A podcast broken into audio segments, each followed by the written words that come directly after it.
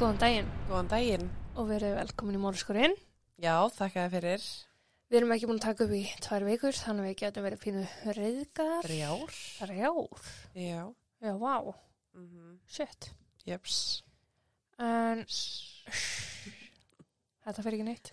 Jú, reyndar, ég er að losna við spangina núna eftir bara nokkra daga. What? Hvenar? Ég veit það ekki, maður ekki. Ekkert sem núna í satt mér. Ok. Mm -hmm. Þá verður þú ein á lestinni. Anskotin. Anskotin. En rétt áður en ég mynd mér í málið ætla ég að minna á scrubdaddy ísland.is og Já. afslátt að kóðan okkar þar. En með kóðanum morðskúrin fáið þið 15% afslátt af öllum vörum þar inn á. Jöps. Og þeir senda heim. Og þeir senda heim, já. Það er mesta snildin. Það er allt, allt sem kemur beint heim er mest snildin. Aha. Ég, er búin að láta, ég var að láta endur senda, uh, ég er að panta fyrir brúðköpi, það er líka drasli. Mm -hmm. til þess að svona sanga mér og eitthvað og ég let panta svona eitthvað stimpil fyrir mig ég, ég, ég panta hann sjálf og hérna, hann var sendur og ég náði ekki að fara í postbox eða eitthvað því ég gleymi því líka alltaf þannig að hann fór að post húsið Oh. og ég gleymdi því náttúrulega ennþá frekar og svo sendi sendandi mér bara, herra fyrir ekki, hérna ég var að fá endur send aftur má bjóðar ég sendi þér þetta enn einu sinni og ég bara, já takk, það var mjög næst Pant, og ég er ekki ennþá búin að sagja þetta þetta var örugglega endur sendandi viku eða eitthvað pant aldrei selja þér vörur. ángríns, ég hún kurti samt og bjóð mér endur send aftur Já. sjúklega en vind mér í máli núna Þann 17. ágúst árið 1976 fættist Jessica Easterly í Mississippi. All right. Fóreldrar hennar eru þau Donna og Lloyd og ásamt Jessica áttu þau tvær aðra dætur og eitt són en sá hafði látist bara mjög fljótlega eftir að hann fættist. Á. Jessica og sýsturinnar ólust upp í mjög góðu umhverfi. Fóreldrar þeirra dýrkuðu dætur sínar og dáðu og vildu allt fyrir þær gera. Þær áttu uppallið sem að margir fá hreinlega ekki að upplifa en þær fengu til dæmis að umgangast afa sinna og ömmu sérstaklega mikið. Æ. Já, en það var einmitt af hennar sem að tók á móti Jessica þegar hún fættist. Síðasti maður sem ég myndi vilja að klóna Já, ég var- pappi minn. Já, en ég var að mitt bara eitthvað. Sitt sýnist hverjum. Ok, jú, það eru ekki margir sem gera það, sko, en Sýsti pappa míns tók á móti mér. já, ég veit ekki hvað mér myndi finnast um það ef að pappi Eithors myndi taka á móti. Barni. Nei, Nei, ég held ekki það ættir ekki fyrir mig. Við Nei. tengda pappi erum mjög góð, góð vinnir. fyrir utan, Alltaf velkomni kaffi. já, klófkíkingar. Já, það er ekki, ekki þar.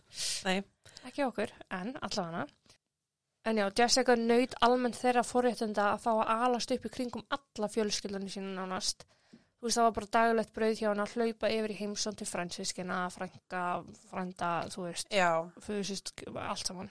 Og Jessica var mjög vel leiðin af allir fjölskyldunni sinni og vinum, enda hnittin, skemmtileg og uppátækisum. ok, Hvað því hnittin? ég veit ekki, þurftur Þurftur að spyrja mig. Já.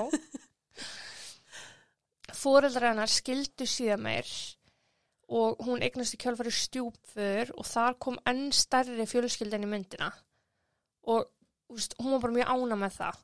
Ok, Og þetta er, mér er svo bjánald að kalla þetta eitthvað eðlilegt fjölskyldilíf, úst, af því að eðlilegt fyrir mér er ekkert eðlilegt fyrir þér skilju. já, já, En fjölskyldin mín er nákvæmlega svona já, ég umgengst alla þannig að mér finnst þetta mjög eðlilegt það var allan að góð samskipt á milli allra og allir vissu flest ef ekki allt um allt og alla ok, en Jessica hún var bara eins og krakkar eiga að vera þessi fyrstu ár sín ímyndunaraflið á yfirkeislu, hávær og eldsnögg að svara með fullum hálsi og reytti af sér brandarana og þegar hún var eldri þá varð hún bara fyndnari hún kunni sér vel fyrir fram á pottana hafði mjög gaman að því að elda og átti þar þólskarinn ég get ekki í dag við höfum tvo tíma fyrir ekki, fyrir fram að pottana, garðpotta, nei, að, ég sagði hafði mjög gaman að því að elda kunnu sér vel fyrir fram að pottana, já, ok. Þetta, þetta er svona 14 þýðingar fyrir mér. Heitapottur í sundlauginni, garðirkja, ég fatt hvað meina núna.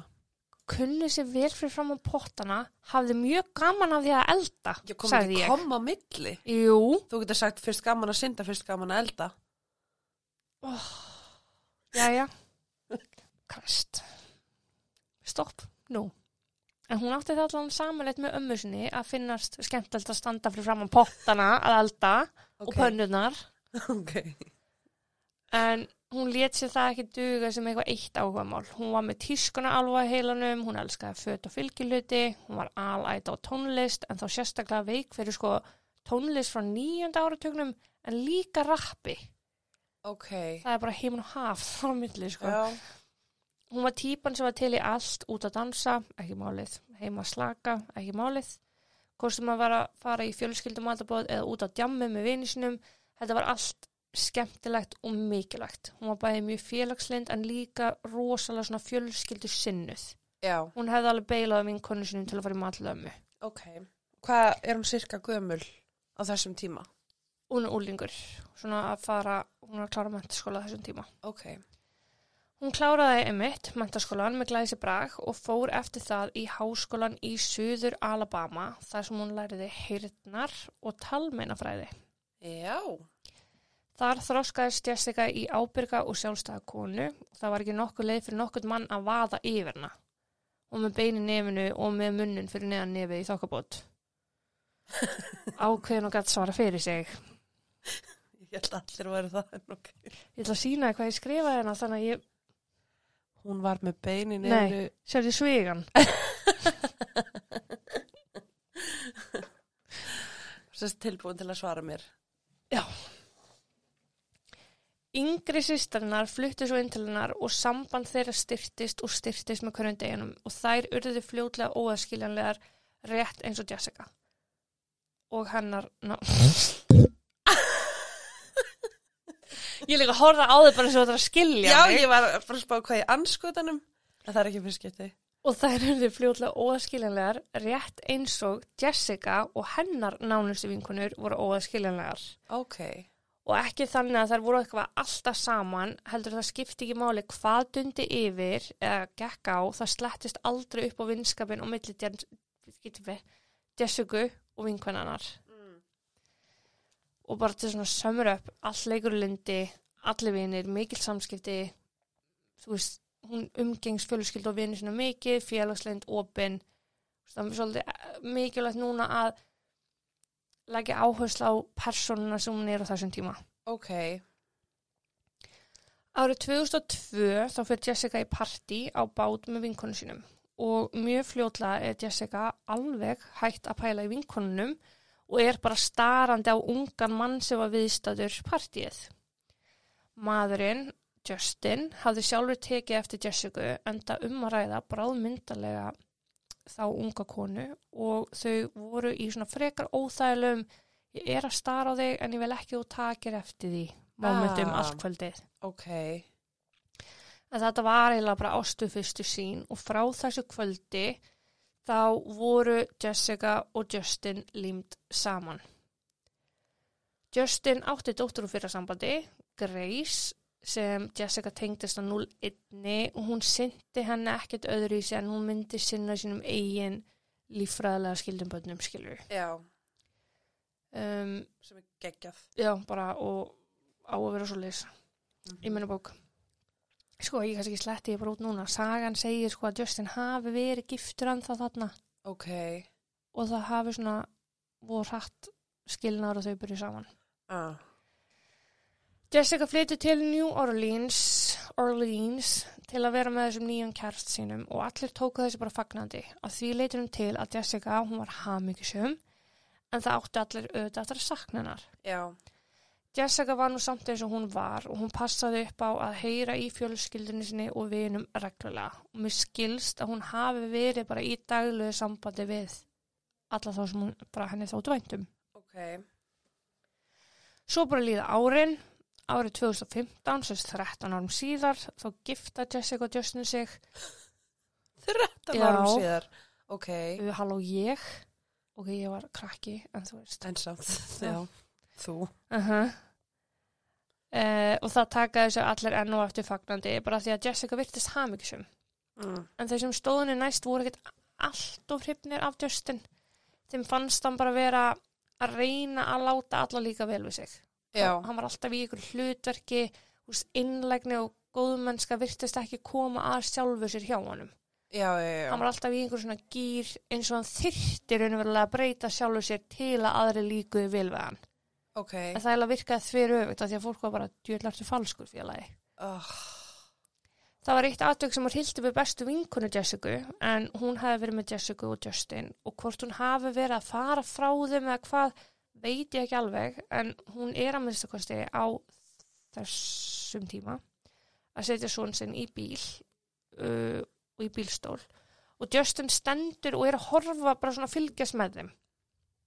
Sónurinn sem er 23 ára hana réttir Justin hendina sína og segir sjáðu, ég meitti mig á puttanum og svona öðlilegri viðbröð var bara svona ó, ertu með ó, ó eða æ, æ, æ, æ, æ, eða eitthvað skilur Já, en Justin tók upp vasanhýf og vasanum, opnaði hann og sagði við skulum bara taka hann af og sko ég á alveg frændur sem að koma með svona brandara. já, já en ekki með vopn með sér sko Nei, þú veist, þegar ég var krakk og ég setja mér þess að stundum við, þú veist, írunni, hún er með eitthvað svona óbúslegt drama að þá er ég bara eitthvað, já, ég var bara ekki að taka hendina af við öxl, eða skilju já. En þú ferð ekki en beint ég að var verði ekki með einhverja sög. hnífin bara, já, já, já, gerum þetta Einmitt, nei. allt samband Justin og Jessica fram að brúkum þeirra og í svolítinn tíma áfram virtist vera mjög leindardómsfullt. Jessica hlifti engum almennilega að þeim. Hún talaði mikið við sína ættingi og vini en hún var ekkert að upplýsa neitt um sambandi sitt eða heimilsaðstæður. Nei, Systrunar voru fyrir lungu farnar að gruna að einhvað væri ekki rétt bara út af þeirri staðrind. Jessica sagði ekki frá neinu slæmu, eða slæmu, þú veist, hjón rýfast og allt það. Hún var ekki að segja frá því. Jessica var bara að tala um það hvað allt verið frábært og indislegt. ó, þetta er svo mikið, já. Já, og það er oft bara svona hint á það að það sé kannski ekki allt í lægi, skiljum. Já, akkurat, ég var að fara að segja. -hmm. Það er náttúrulega ekkert algilt en það er mjög oft þannig. Um, þeim bara svona automatist líka ekkert sérstaklega vel við Justin í kjölfarið og það átti ekkert eftir að skána næstu ár. Ok, En þessi sjálfstæða lífsklega kona sem ég lísti í byrjun málsins var orðin bara svona skilin af sjálfur sér. Virtist láta vaða yfir sér bara fram og aftur og fjölskyldinni leist ekkert nógu vel á þetta. Þeim fannst hún vera svo svona dempuð. já. En þarna eftir árið 2015 og fram að árinu 2019 þá virðist Jessica vera farin að trista Marju, bestu vinkunnsni og svo sem átti sonin Já, aðeins betur. Hún var smátt og smátt fann að segja henni að það væri vissulega mikið andlegt ofbeldi í sambandinu og inn á heimilinu. Justin hafði til dæmis sjaldan leiftin að ræða við vinu sína eða ættingja.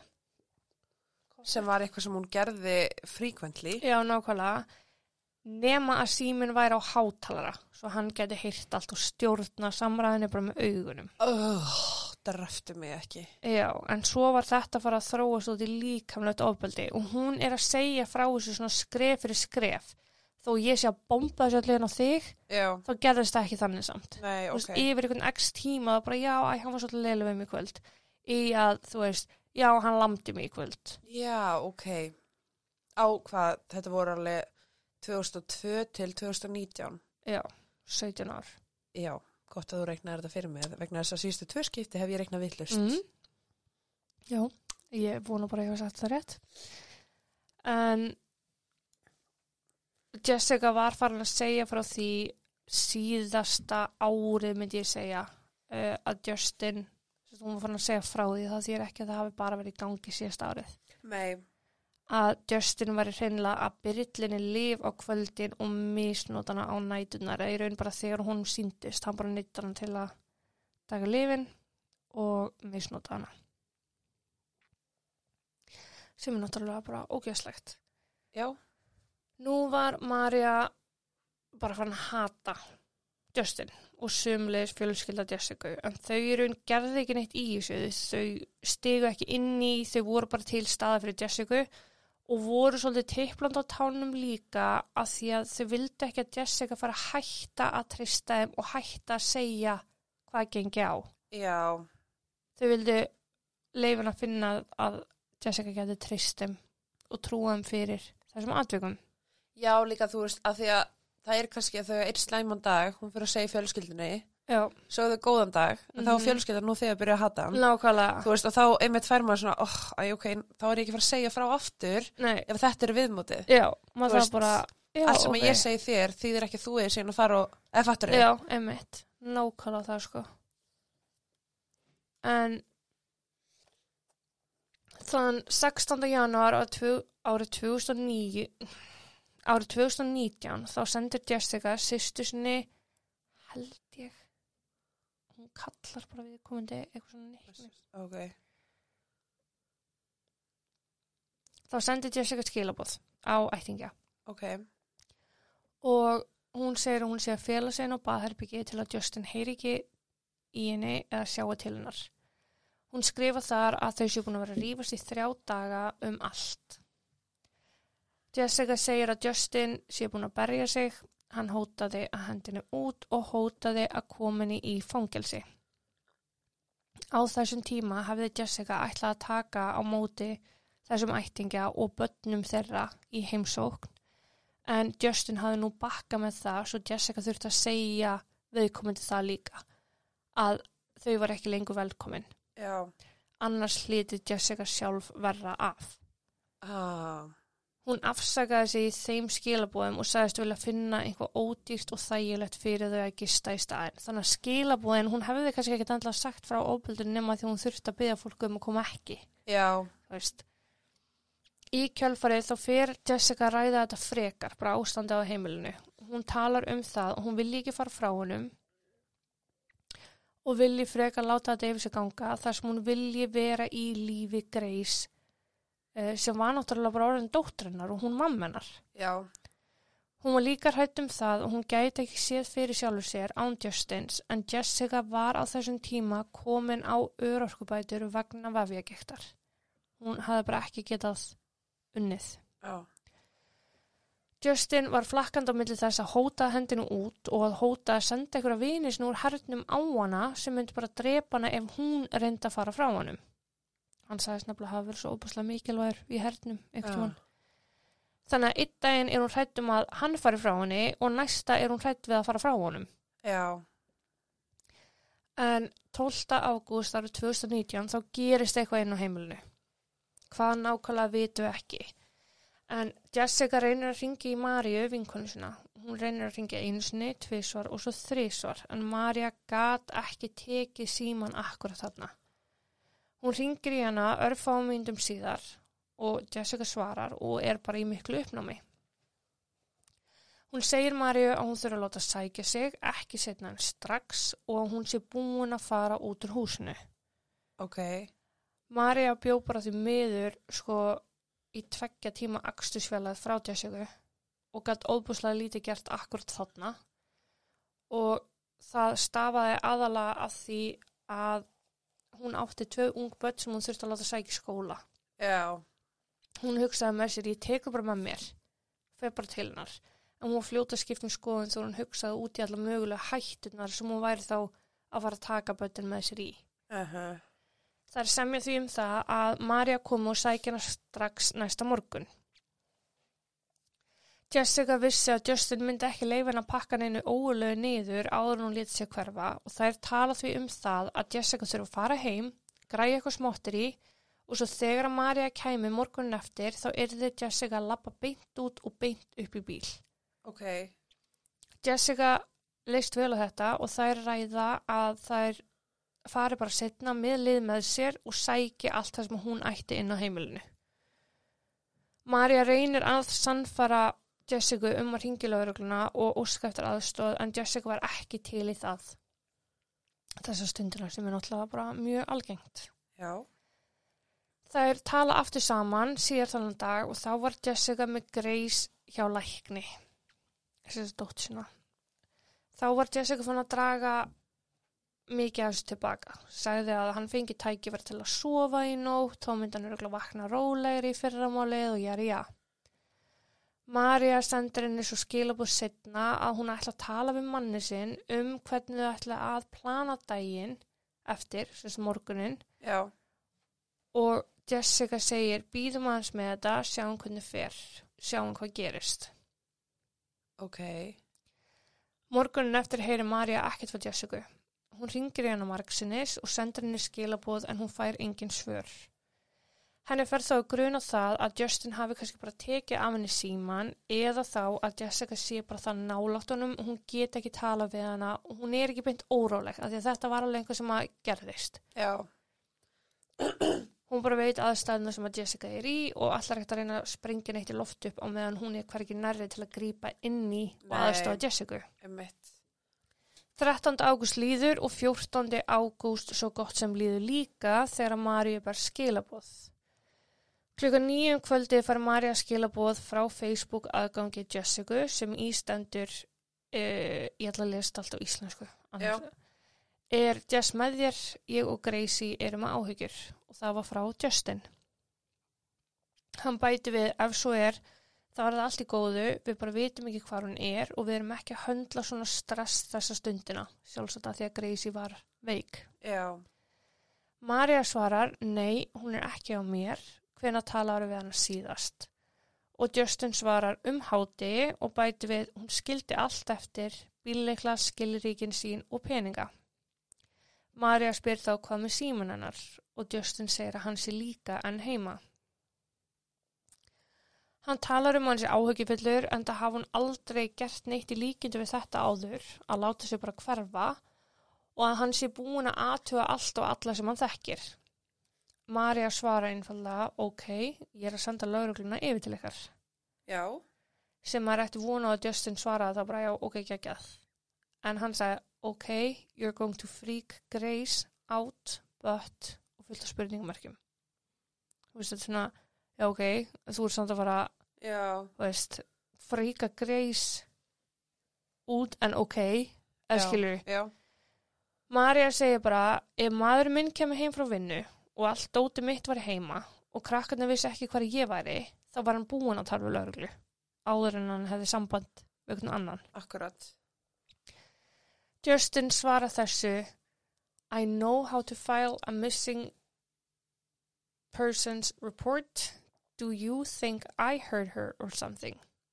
The police can't do anything until 24 hours. She's an adult. I'm checking hospitals and jails now. Do you think I heard her or something? ég er bara... Ah. Klukkan rúmlega tíu þetta sama kvöld sendir hann Marju ennþá í gegnum Facebook aðgang Jessica að hann sé búin að ringi allar spítala og fangelsi í nágrunnu, eða þess að lögulstöðar Uh -huh. og að hún væri að minnst kosti ekki þar. Hann segist að ringti lögreglu og hann geti skila inn skýslu um að hún sé týnd eftir 24 tíma sem væri þá kvöldi eftir. Lögreglan kom heim til þeirra þetta kvöld bara til að gera velferðartjekk af því að Marja náttúrulega uh, ringdi lögreglu Já, akkurat. og þá var Justin drullu stressaður og var, þú veist, eh, ekkert kannski svona ábrendi, en svona tendensar Já. hann var að nefna alla þá sem hann þekkti í lauruglunni og hann þekkti saksóknara og Jessica, hún var sko þunglind og hún sofur rosalega mikið þegar hún tekur lifi sín og þú veist, ég er bara eitthvað að tala um hundin sinn og einhvern veginn um allt annað en hann átti að vera að tala um Já. og svo bara, vil ég koma inn, þið mjög alveg koma inn, þið mjög alveg skoða, vil ég skoða, þurfum við að skoða Þú veist, það er ekkert mál, þið mjög alveg skoða, þú veist Mm þessi típa sem að er svona yfirleitt ekkert mjög sniðut Nei. lögreglan fer bara, Já. allt í góðu inn á heimilinu engin ummerkjum neitt, takk og blæs Ok. 15. ágúst eða daginn eftir klukkan hálf tvö þá sendur hann á Marju enn og aftur að hann sé f- að fara á fullt að posta á samfélagsmiðla og nota allar sínar aðferði til að komast að því að einkonan sé óhöld. Hann segist verið með barn sem er guppandi og hún þurfa að vita að mamman sín sé í lægi. Hann sendur henni mynd af tilkynningu sem hann hefði skrifað um hvarf Jessica bara, þú veist, þetta er eitthvað blað bara Já. notification of a missing person og segir að lokum ef þú veist hvað hún er og að hún sé í lægi þá kynni ég að meta að þú segði með það áður en að allur heimurinn veit af öllum okkar vandamálum og að þetta sé að ruggla í greis og bara öllum sem að standa Jessica næri Já. Þú veist, ertu svo að fara að segja mér að það var einhver Pétur í bæjabúður sem að koma að drapa hann? Pétur Bæjar Nei, þú veist, bara, hún segir, sem sagt, svarar honum hérna og segir, ef hún fór frá þér að því þú ert asshole þá er ég 100% að fara að styðja hana bara issue sem ég er að hafa núna er það að ég er manneskjans sem hún myndi ringja í og hafa samband við en ég hef ekki heilt neitt í einu sín á mánudaginn já, Þannig að annarkvort hefur ykkur random aðli í þessu stóru hættulegu borg sem þú býrði í, tekið bestu vinkonu mína, eða þá að þú mistir vitið eða lost your shit because she was trying to leave. já, Það er hvernig ég horfa á þetta, segir hún. Hún er bara að tala með hægðunin er svo óbúsla ólíkt Jessica. já, hún bara hefur aldrei gert þetta áður, lát, eh, stungið af Nei. og ekki látið heyra í sér og, og hún er náttúrulega búin að vera að segja Maríu frá öllu því sem er búin að ganga á þannig að af hverju ætti hún ekki, hei, ég ætla að láta mig hverfa ég ætla að skilja allt rastlum mitt eftir já, eða Eða- hei, Marja, mjög þetta aðstóð. Já, eh, fara að kaupa sér síma og hafa sambandi hann þannig, þú veist, einhvað Alltaf láta vita að hún sé óhöl. Já, Hún veit líka bara að það er rosalega mikið af fólki sem þykir væntum hana. nákvæmlega og hún hefur í mörg hús að venda, sko Uh -huh. en hann svarar bara eins og fáiði og segir, já, you're right, as always it's all about you og hún var bara, don't even og segir svo við hana ef ég heyri einhvað frá henni þá skal ég láta þið vita og hún sé í lægi Grace vegna og hann segir plenty human of you hann bara fyrir töðan með sig gæi þú veist hvernig hann skrifur og hvernig hann er Já. Ég get ekki séð eða almennilega vita hvað nákvæmlega var í gangi 16., 17. eða 18. ágúst. Annað en það að þau hljóta að hafa verið að reyna að komast að einhverju Já, og þau búa til dreifum eða og annað. Marja að minnskosti póstar auglýsingu á samfélagsmiðla þann 17. ágúst á- um að hún sé týnd já, sem að hefði verið 43 ára ammálistagurinn hennar Jessica. Maria sendir á Jessica á Facebook þann 19. ágúst af því að það er í rauninni eina liðin sem hún hefur til þess að tala við Justin í gegnum Facebook já, og hún sendir einhvað að frétta. Ég sá að myndbönd voru póstuð á Facebooki hennar á föstudaginn sem var þá 16. ágúst. Justin svarar því ekki strax en hann sendir henni samt SMS úr sínu síma. Það sem hann segir Marja, þú hefur ekki hugmynd um hvað ég er að gera hérna og um allt fólki sem ég er að blanda í málið til að komast að niðurstöðu. Ég kann að meta dreifu með hana sem að Marja hefur þá trúlega komið á hann líka og hann byður Marju um að treysta því að hann hefur ekki hægt að reyna að finna hana þar sem um væri að ræða allt lífið hans. já, Og hann endur á því að segja hvort sem þú trúið því eða ekki, ég hef enga stjórn á því. Marja segir þá bara það er gott að vita, eins og hverjir. já, hverjir, eru- þú veist, hvaðan, hvað eru nöfn þessa aðila svo ég geti komið lögreglunni í sambandi við þetta fólk til að aðstofa við leitina betur. uh -huh. Justin segir heldur að ég sé ekki að tala um lögregluna eða hvað og hann tala bara einhvern veginn svona í kringum hlutina Já, það var rosa svona kokki gæi eitthvað, hvernig hún er, þú veist, eins og þessi skilabóð. já, heldur betur Já, Marja segir þá, þú sagðir að þú væri með fólk sem var að aðstofa er það lögreglan eða er það einstaklingar sem þú þekkir persónulega Justin segist ekki hafa tíma til að skrifa þetta allt saman niður en nefnir vini á sjóarstöðum fólk sem hann útskrifaðist með yfirmann leitarsveit hunda og yfirmann rannsóknadeild slökkuliðsins ok, það er þannig að sérst, allt annað en lögreglan já, það er sérst allt fólki sem er að leita, sem er í samskipti við hann. Já. Ok, Hann svarar svo skilabóðinu sem að Marja sendi á Facebook með, þannig að hún var að spyrja af hverju að vera að posta ykkur á Facebook í hennar á föstudaginn já, og hann svarar, ég var að reyna að hressa greis við og sína henni myndbönd, vissi ekki að ég hefði postað þeim. Þetta er ástæðan okkur ég noti ekki Facebook. Uh, why I'm fucking with Facebook. ok, en getur ekki sínt Grace myndbönd í gegnum þinn eigin aðgang. Það sem ég sett spurningumarki við er ef þau kynast 2002 Já. segjum að Greysi núlar þá þá er hún orðin sko Shit. 17 ára Já. þarna En hún var örgulega ekki 0 ára. Nei, Þannig að hún, ok, hún er örgulega þá títu eða eitthvað. já, ég veit það ekki Og hún er heima með ælupest mm -hmm. og þarf umönun Mhm.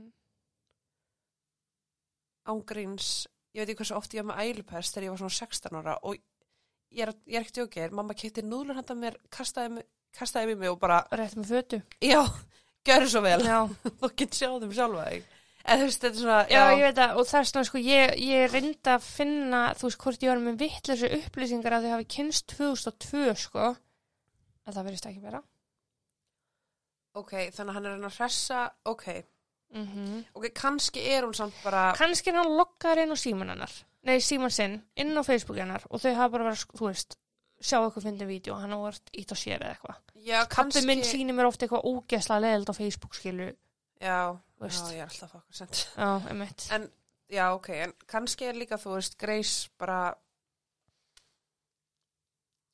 sein í þroska eða eitthvað skilur já, má vel vera þú veist, með hvernig hann er að út, eða þú veist, hvernig hann er að lýsa hlutum mm þú veist að já, En þann 22. ágúst þá ákveða sýstur Jessica á samt frændæra að fara til New Orleans og blanda sér betur inn í rannsóknmálsins sem var vissulega komin í gangarna. En þú veist, lögreglurannsóknir eru jafn mismunandi og þær eru margar uh og rannsókna gæðin voru ekkert geggjöð nei, ok þau vilja fara þangað til að bara leita af sér allan grun sjálf og þau keira í kringum nágrunni Jessica með opna glugga og er að keira hægt og það er talað um two and a half blocks ein blokk er um það vel 100 metrar þannig að við erum að tala um 250 metra frá heimili Jessica þá fara þau að finna þessa svakalegu lykt inn í bíl til sín ok, og það fór ekkert á milli mála að þetta var bara rótnunar lykt. eftir hvað marga daga Þetta er 22. ágúst og hitt var 12. ok, Þannig tíu dagar. Þau elda lyktina en silla og það hljómar og það líður ekki að löngu þar til að þau koma að undirgöngum. Þá leggjaðu bílnum og í trjálandi rétt við undirgöngin þar láð það sem að þeim grunaða væri Jessica. býttu, ha? Mhm. Þannig að þau eru bara að keira og elda lyktina. Mm Og hvað, er hún bara út um Svo- Mm. gluggan að þefa? Nei, að þú svona segja þau frá þessu þannig ég sé fyrir mig bara að það hafa fundið líkt og kyrt nokkra metra áfram, sko, þetta eru 250 metra þannig að þau geta ekki að vera að keira einhvern geggjan Ok. stóran ringskilju okay. En byrju, af hverju voru þær til að byrja með? Þetta að því hún býr hana Jessica bjó í nágrunni Já, já, já. Þetta er ok. 250 metrum frá heimilinu hennar Ok, um, en ég var sérst að leggja bílum hana og það er treyja við göngin og þau sjá bara þar nokkuð augljóslega að þar sé lík og ég bara... systur hennar tvær og frendinar sem að eru náttúrulega þau sem finna hana og þau sko, hún er búin að leggjast trúlegast í rúma viku núna í lok ágústmánar í Louisiana fylki þar sem að verður drep heitt á sömurinn Og ég bara... þau neyðast nú til að ringi í lauruglu og tilkynna um líkfundin á meðan þau eru að reyna að átta sig á því hvernig í ósköpunum ef lauruglan var að leita hvernig fundur Jessica ekki Já, mér hef alla þess að fulltrúa leitarsveitarinnar og slökkulýsins Einmitt. sem að hann saði frá.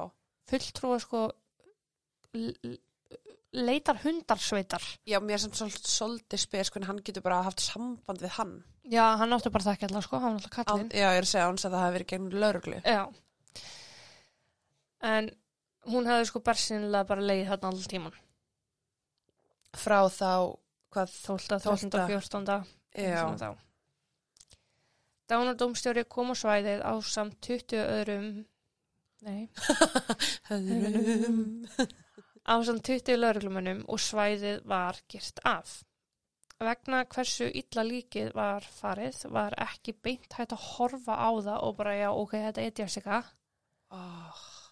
Eh, það þurfti að staðfesta fjölskyldan bara þekkti líkamsbygginguna, andlitsbygginguna og fötin sem hún var í skilju Já, Þú veist, og það, það kom ekkert margir til greinar þarna í einhverjum 250 metrar radíus frá heimili Jessica sem var týnd nei, og það var hjá okkur göngum. já, Sorry, en býr ekkert fólk aðna eða? Hefur engin mögulega að fara út með hundir sem hún lappa framhjá? það er mjög skrítið Eða fundir lyktina? mm ef þau fundur lyktina keirandi að það Ég myndi að það er nákvæmna. já. en það var því fengið lífsýni þann 1. september frá móður Jessica til að bera saman við lífsýni líksins. Lauruglan sagði fjölskyldunni að ómögulegt væri fyrir þá að hefja rannsókn á einstakling sem var ekki búið að bera kennsla á. Ok, Sem mér finnst skrítið að því hvað með öll þessu Jane Dómál emitt. En þar sem það var ágætt skrunur um að þetta væri Jessica, þá hafði lauruglan samt ákveð að hefja viðræður við hina og þessa og þeir byrja mæntala á Justin. Hann flakkaði náttúrulega fram og tilbaka. Hann fór í, hún fór klukkan þetta. Nei, býtu, ég sá hann á klukkan þetta. Herru, ég held hún hafa bara hreinlega að tjekka sig inn á gæðdil þarna daginn áður. Á, Hver sagði hann eftir annari og yngi er eins. ok. og lauruglan gera ekkert í þessu af því að það var ekki rannsókn eða þú veist. Oh. Þann annan september, daginn eftir að lífsýnið er tekið, er í fyrsta skipti sem að Justin heyrir í fóruldrum Jessica. Tveim vikum eftir að hún sást síðast, sem er náttúrulega frekar undarlegt út af fyrir sig. Og það sem er furðulega, furðulegra var það sem að Justin hafði að segja. En hann sagði að hann taldi að Jessica hafi fyrirfarið sér og að hann væri núna bara tilbúin að halda áfram lífinu. Já, bara takk og bless. Gott að heyra í ykkur. Í byrjun oktober hafði fjölskyldan ekki fengið neitt staðfest um lífsýna samanburðin og þeim fannst þetta taka heldur langan tíma. Þau voru því að farin að reyka eftir svörum. Hérna var lauruglan ekkert búin að vera inn um almennilegum samskiptum við fjölskylduna því að það var bara ennþá um að ræða Jane Doe líkir ennþá í höndum lauruglu og þessi fjölskylda kemur líkinu raunin ekkert við á mennendur gættingar. Staðfest, skilju. Já, já, já, ég fatt hvað minnar. Þegar fjölskyldan rekur eftir þessum svörum, þá kemur auðvitað í ljós að fulltrúin sem var útlutað því verkefni að fara með sínið á rannsónstofu, hann hafði barast að glemt því, sko. Já. já. Hann bara upp og sí, hendi á skrippur sitt og stenglemt sér. Ok, og því senkun á þessari auðkenningu og senkun á því að geta hafi rannsókn og á meðan þá eru bara möguleg sönnunugögn að tapa bæði vægi og það er svona hverfa já.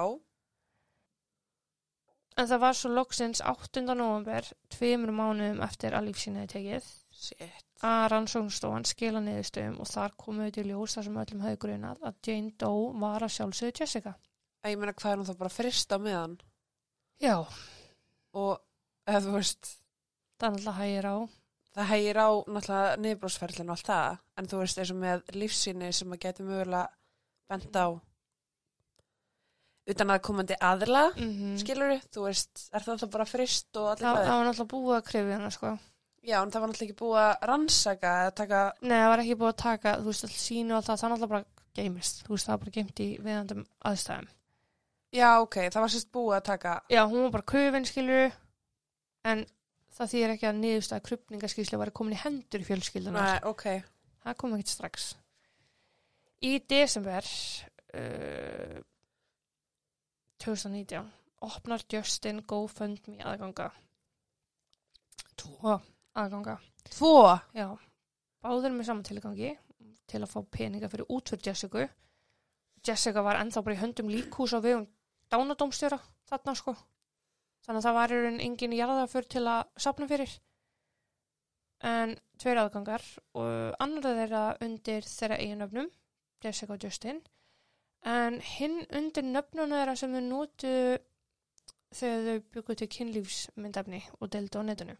hvað, kandi og Nei, Vivian og Lance Ok. og ég veit ekki nógu mikið um þetta til að segja frá þessu en þau voru sérst að deila slíku myndefni undir fölskunöfnum og þetta kemur sjálfur málunum nákvæmlega ekkert við en upplýsingarnar á setni síðunni þessari kynlífs myndefna síðu voru þær að If you donate, you will receive exclusive pics, videos, lingerie and even shoes. Of a dead lady. Yes. For her funeral. Ok, það er, ein, þú veist, ok, já, vá. Já. Það er, ok, ég, þú veist, það er fólk sem að kaupir nærbuksur og fólk sem að kaupir támyndir og alls Mhm. konar. En hún er dáin. Já, og, já, og til þess að sapna fyrir útförinni uh, ég veit ekki alveg með þetta, sko. þetta er náttúrulega bara ógeðslega taktlust Þetta er rosalega taktlust. og e- ekki til að vekja vinsaldir hjá ættingum Jessica Nei. En líka bara, já, ég meina, þú veist, lendir allur út frá kostnæðarinn á honum.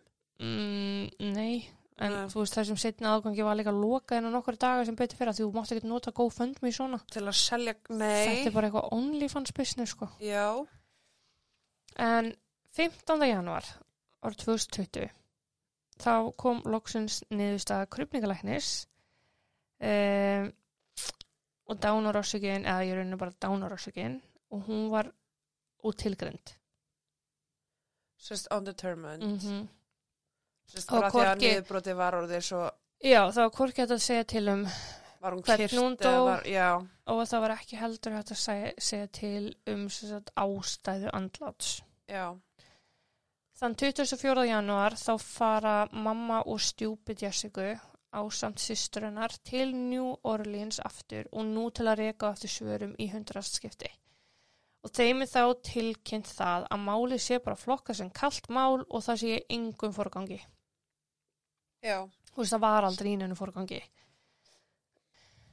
Sama dag, þann 24. januar, þá er Justin fariður inn á geðdeild í 24 klukkustenda hald þar sem að hann hafi gengið upp á konu á bar sem hann hétt eins og látna eiginkonu hans, Jessica og hann gaf henni meða. miða. Já.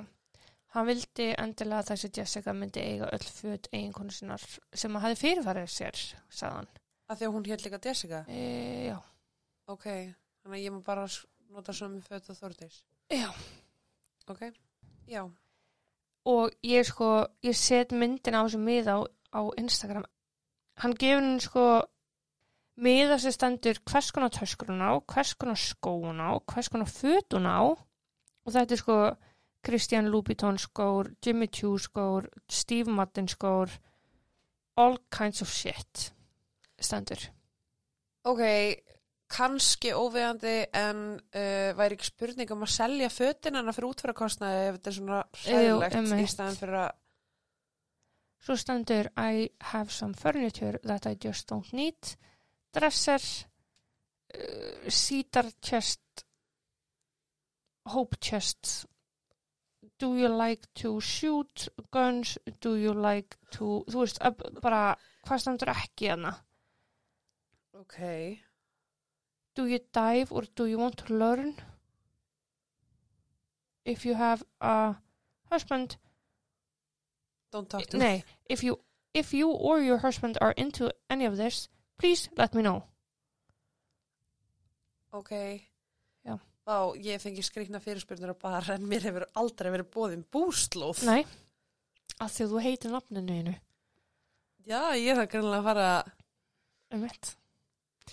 breyta ykkur. Já.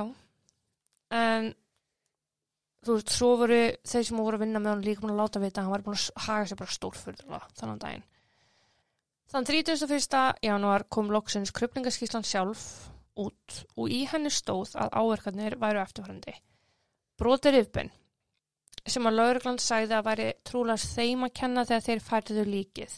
Krupningarlækni var korki sammála nýja ósammála því Ok, sprunga í kjálkabeini og svo brotin háls hryggjarliður C4 réttar sagt og þetta er hryggjarliðurinn fyrir neðanliði 2 og 3 sem eru þeir sem að brotna til dæmis við hengingar eða kyrkingar þetta kallar the hangerman The Hanger Man's, bón nei, Break eða eitthvað. já, Og já, þetta getur gerst við hengingar og eða kyrkingar. Tilviljun. Maður spyr sig. Ef þessi hálsliðu brotnar, þá getur verið í góðu lagi með þig. En ef það fylgir mænuskaði með brotinu, þá væri að kljást við öndunarfileika og getur lítið sem ekkert hreift handleiki eða herðar. já, Eitur efnaransókn var ekki að fullu framkvæmt vegna ástand líksins. sko, ok þannig að þegar hún segir að ef að verður mænuskaði þá náttúrulega getur hún ekki hreift neitt -hmm.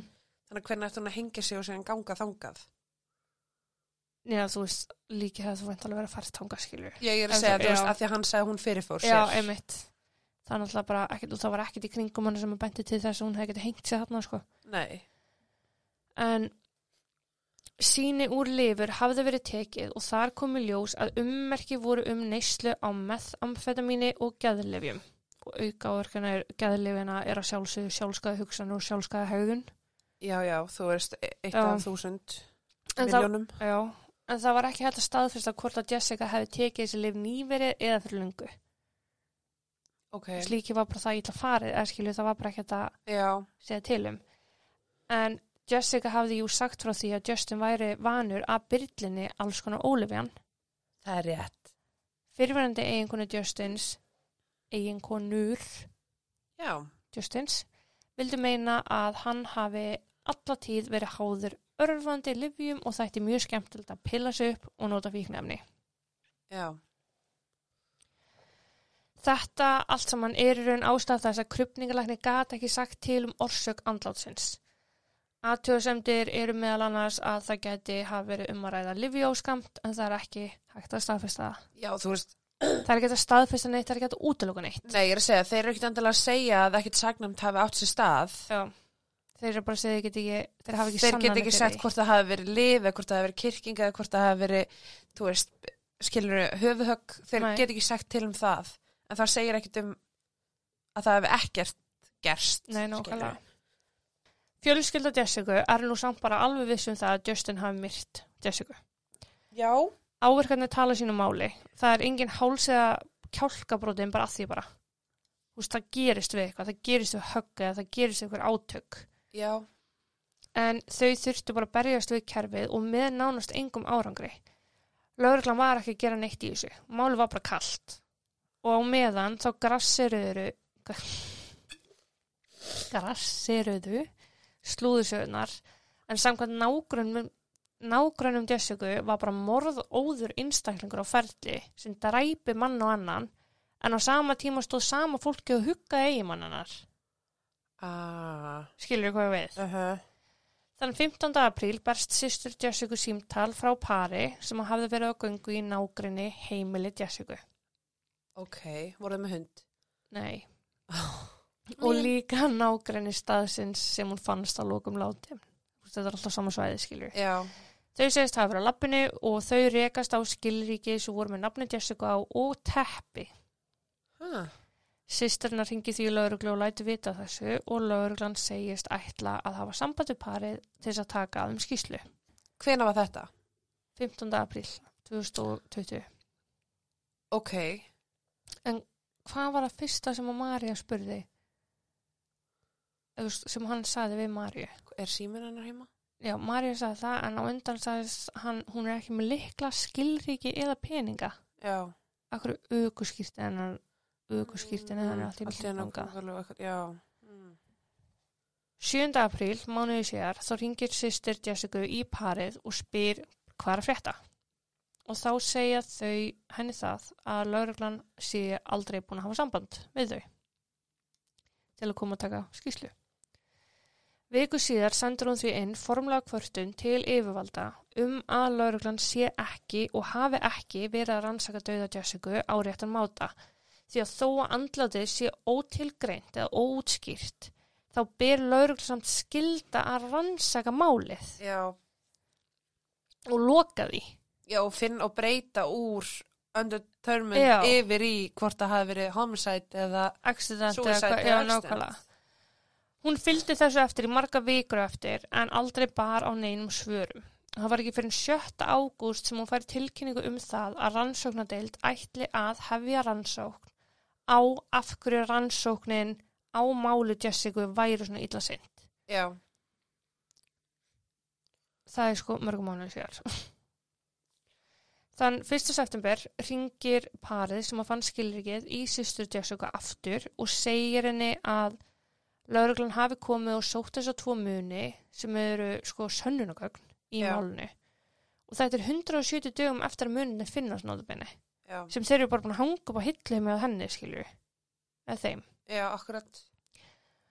Þann 13. september er Jessica enn í höndum krupningalæknis í rúmt ár. Já.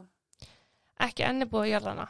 Justin gerði aldrei neina viðigandi ráðstafinir og enn var verið að býða eftir því enda hann eigi maðurinn hennar og þar með, með valdið. Já. Þannig að fyrra árinu hafði hann fengið skilabóð, herru, þú mátt gera ráðstafinir. Uh -huh. Í lók oktober eru svo einhverju vendingar í málinu og rannsakandur eru sendir að heimili Justins og þar taka þér síni af sófa sem að Justin var búin að henda fyrir utan heima á sér og höfuðgabli sem er þú veist Að rúmi. um árumi. Mánuðu síðar eru engin svör komin og Jessica er nú búin að vera í höndum krupningalæknis í rúma 460 daga. Er hún ennþá? Já. Má ekki jarðana því hún er undetermined? Nei, nei, nei. Af því að Justin er ekki búin að koma að sækja hana. Ok. Og er hann sá eini sem má sækja hana? að þessu stöndu þá var það þannig já. Og... Ok. Mm Og fjölskyldun hennar eru að naga á sér handabökin þegar hingaði komið. Lauruglan er ekki að gera raskat. Justin er ekki búin að endurheimta lík dóttu þeirra og systur. Þau hafa ekki heimild nýja aðgang til að sækja hana sjálf til að jarðana eins og hann átti svo sannlega skilið Já. og enn öðrum mánu og að enn öðrum mánu liðnum eða í lók desember 2020 er staðan ennþá svo sama svo erum við náttúrulega búin að fara í gegnum fyrsta ára að COVID þarna sko Já, líka bara sorry en þú veist g- hvað heldur að hvað heldur þetta fólk sé að fara að geima lík lengi? Nákvæmlega Ég hefði bara haldið að þau myndi brenna líka eitthvað og bara, herru, Já, bara sorry, ge geimslugjald eða Mm. eitthvað? Æ, ok, kannski ekki. það er samt pottið geimslugjald Af hverju ætti ekki verið geimslugjald? Það er Ángreins. geimslugjald að fokkin, allstar já, en þau eru að nota tímanana til að vekja aðtikla á málinu á netu. Þau eru að stopna vefsíðu, þau eru að stopna Twitter-afgang og annað til að miðla upplýsingum áfram. En í leiðinni þá grefur fjölskyldan upp ómeðvitað þetta leyndamál sem að hjónin hefði átt, kynlífsmyndböndin. Og fyrirsagnar breyttist fljótt úr duðlafullu döðu konu í duðlafullu döðu klámstjörnu. uh, Og- Ekki að það sé ykkur óverðing per se að vera klámstjörna, nei, en, En hún hétt Jessica, en ekki Vivian. já, og þetta er, þú veist, Og þau eru að fjalla um þetta er bara til að fá, sem sagt, klikkin. já, það er það sem að er hvað mest pyrrandi. Já, og þau eru að nota nafni sem hún notaði sem dulagerfi og það sem hún notaði við þú starfið sitt.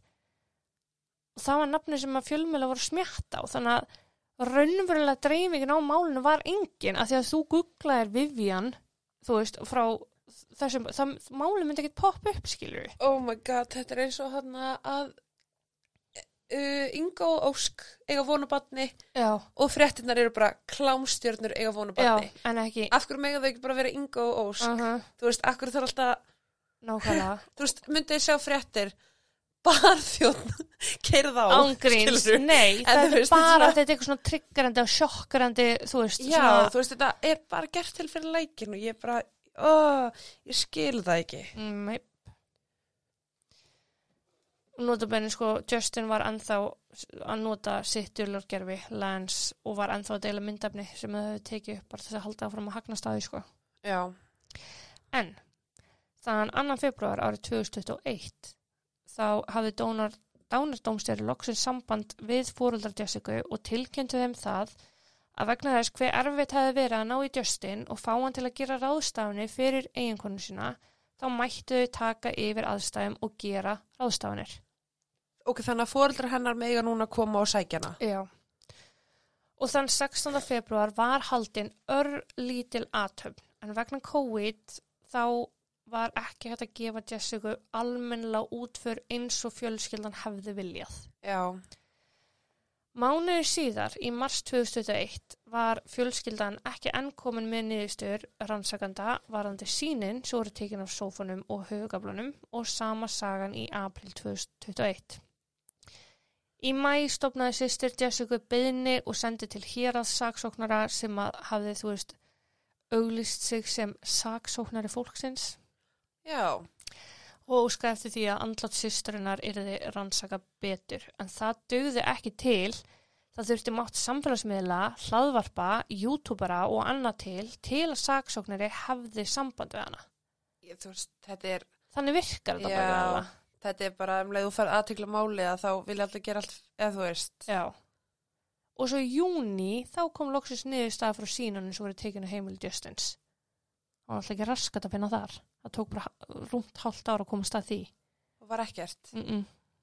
ok, en ég minna líka sorry gæði maður búin að reyna að fokkin losa sig við búslóna sinna á bar Já, árið síðar líka.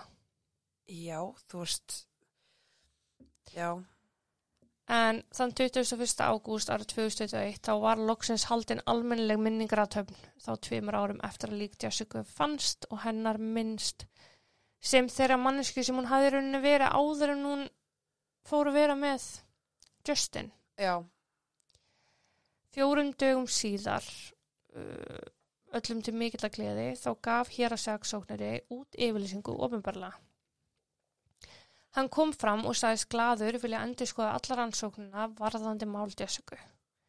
Það skipti miklu máli að fá fersk augu og endur skoða alla vinklamálsins ásand öllum sönnunugögnum og sá hann til að málunni var breytt úr, ó, úr ótilgreinduðsfall í mandróp eða homicide ok dánarósökin er samt í rauninu engin en ástæða andlátt er morð Þú veist, að hann hefði verið ráðum bani já, nú er rúmt ár síðan það var að hann gaf út þessi yfirlýsingu að saksóknar ætla að vinna að málunu ok það hefur engin verið handikinn en það hefur komið í ljós að á þessi myndefni frá 60 myndafölum voru yfirfarnar á sínum tíma og við setni yfirferðina sem að hann sem sagt, reyndi til þá komið ljós að það sást aldrei til Jessica ganga um svæðið þar sem hún fannst það sást ekki til hennar gangi í nágruninu sínu eða svo mikið sem út úr húsinu sínu þess að daga sem umræðir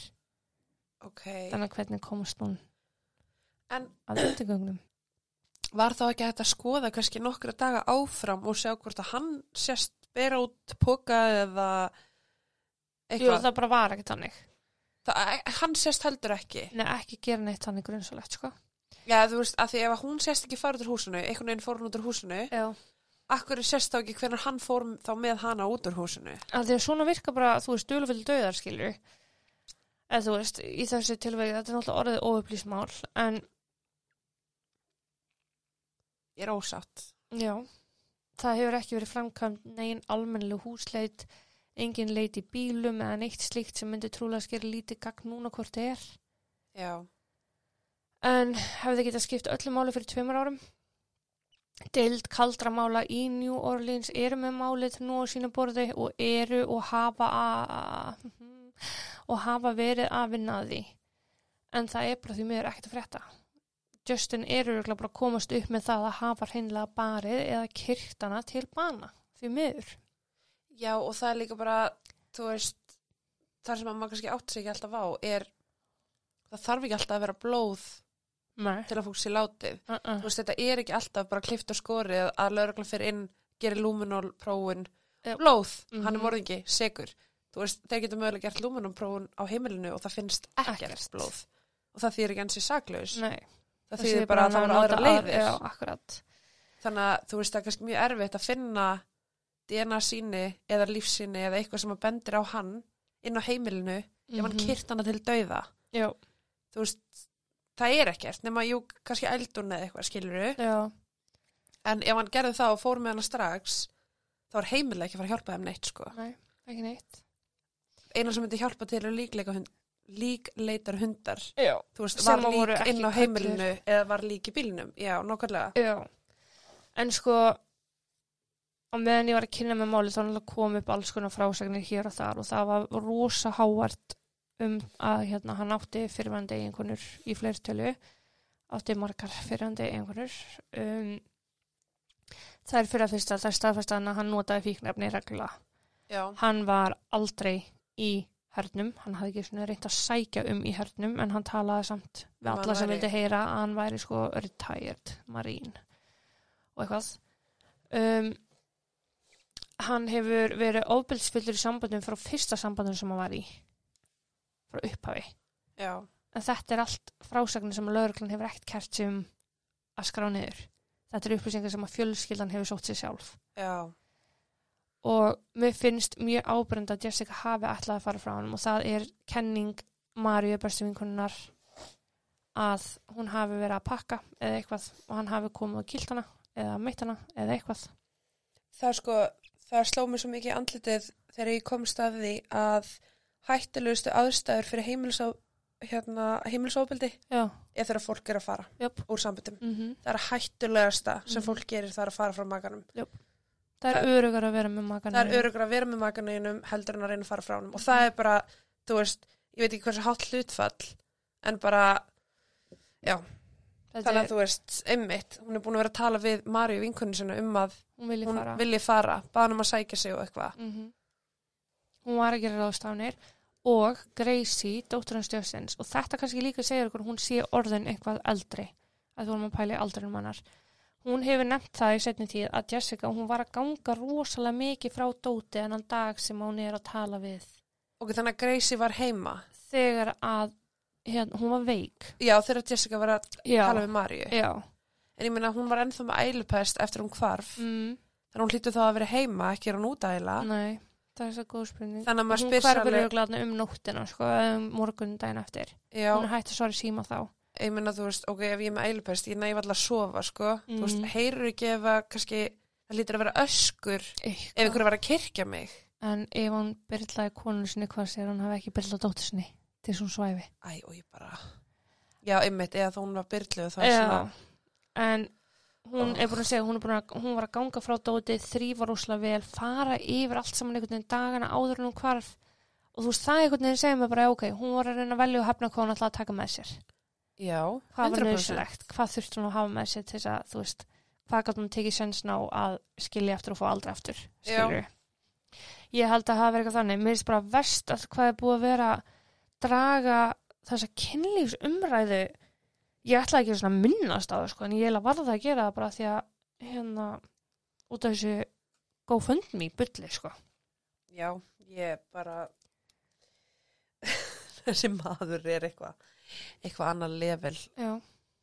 bíp. Mm En máttur bara nútímans að pressan sé þetta mikil að fólk úst, ekki bara hún hefur sendt beðinni á saksóknuna heldur óskáðan eftir því að fólk myndi fjalla um málið og, og vekja aðtigli Mm það er það sem að saksóknur komst bara hreinlega ekki upp með að þú setja þetta í onni skúfu sko Akkurat, af því að þetta bara yfirtók skrifbólaðans eða skilur já. og núna er hún eru þær systurnar að byggja um bara hreinlega að fólk ringi í símanúmer uh, saksóknuna Já, og spurji where is the justice for Jessica Easterly sko mér finnst þetta að vera kostur og galli Já. með komu samfélagsmiðla að hjálpa til. mm -hmm. Þú veist, þetta er kostur auðvitað, þetta vekur aðtekla málinu, það er kannski mögulega sá hann einhver, þú veist, og þú, þú ert miklu fljótari að mhm, hérna, bera orðið áfram og einmitt til að pressa á saksóknara og ríkisaksóknara til að taka sérst um ákvörnum mhm. rannsókn en að samanskapi hvað með uh, Pétur sem að liggur henni skuffu og býður að því að hann og kannski ekki ættingi sem nota samfélagsmiðla já, þá fer hann bara aftast í röðina alltaf skilur alltaf, alltaf fær ekki þannig neitt að rétt þetta er, nei, akkurat Þetta er, náttúrulega bara, svolítið- þetta er bara þannig heimur, það er bara að velja og hafna. já, Þú veist, það er bara eitthvað svona stokkunaröð og það er bara því miður. Hver er mikilvægastur? ummitt og það er Sem bara er að því að, ömurlegt. að því að fjölskylda Jessica var hávær þá er hún komin fremst í bungan skilur Já, sem og, er geggjað vegna þess að auðvitað eiga þær að rannsaka allt og allt svo leiðis já, en ef það er ekki þetta, máttu samfélagsmeila og það vildi þannig til að máli væri nóg áhugavert að því þú veist, við erum komið sko 130 þætti eða eitthvað Mm -hmm. það eru 130 sikkur málin sem bara, þú og 130 ég erum, bú- döðsföllin. já, sem bara þú og ég erum búin að fjalla um sko. Já, og það er nóg já, til. nú man ég ekkert hvað það að segja Nei. Jú, já, það eru svo mörg klift og skúrimál sem við tökum kannski ekkert fyrir Uh -huh. sem er bara skautan drapan Já. búið ekkert, Mhm. þú veist og þetta eru mál sem að samfélagsmeilar ná ekki að gera spennandi Já. og þú veist, það eru kannski líka einstaklega sem eiga ekki einu svona pening til að múta því að það er næsta leið sem þú getur gert til að fá flýta máli Uh að fá það í forgang það er bara að veifa peningunum Akkurat, Hvar það má sem ég ég að segja, múta? þú veist. í hvað vasa þau stingu sig Já, Þú veist. og líka sérstaklega eins og, líka bara eins og fólk sem að ákaski ekki ættingja, ef þú veist. einmitt Og af því að þau eru kannski ekki ættingja sem að eru að leita þeim eða syrkja eða eitthvað, þá, eiga, já, þá fara Já. þau bara neðst inn í skúffu, skilur öllum er alveg sama. mm -hmm. Æst, þetta er svo, já, þetta er Mhm. en samt samfélagsmiðlar eru geggjaðir. Þú veist, mörguleiti að mörgu leiti, bara til að vekja aðtekla málinu og líka bara til að fá fólk til að bregðast við að það þarf að breyta réttakjærinu, það þarf að breyta sem sagt, rannsóknum, þú veist, allt þetta Já. setja bara meiri pressu á en það var engin pressa til staðar Nei, en samanskapið þá þarf jæmt að gildi verið alla, sko. Þannig að Já. þetta er, Akkurat. þetta er, já. Já, En málið því mér óöflýst, ég hef ekki mikla trú á því að það leysist eitthvað í bráð, sko. En við vitum hver gerði það, hann á örglega þar að gera eitthvað anskotan að sér, eitthvað Já annan það fyrir dag. að koma í baki á honum Já, ég held það. Þannig já, ég hérna ætla að þakka fyrir mig í dag. Já. Og takk og bless. bless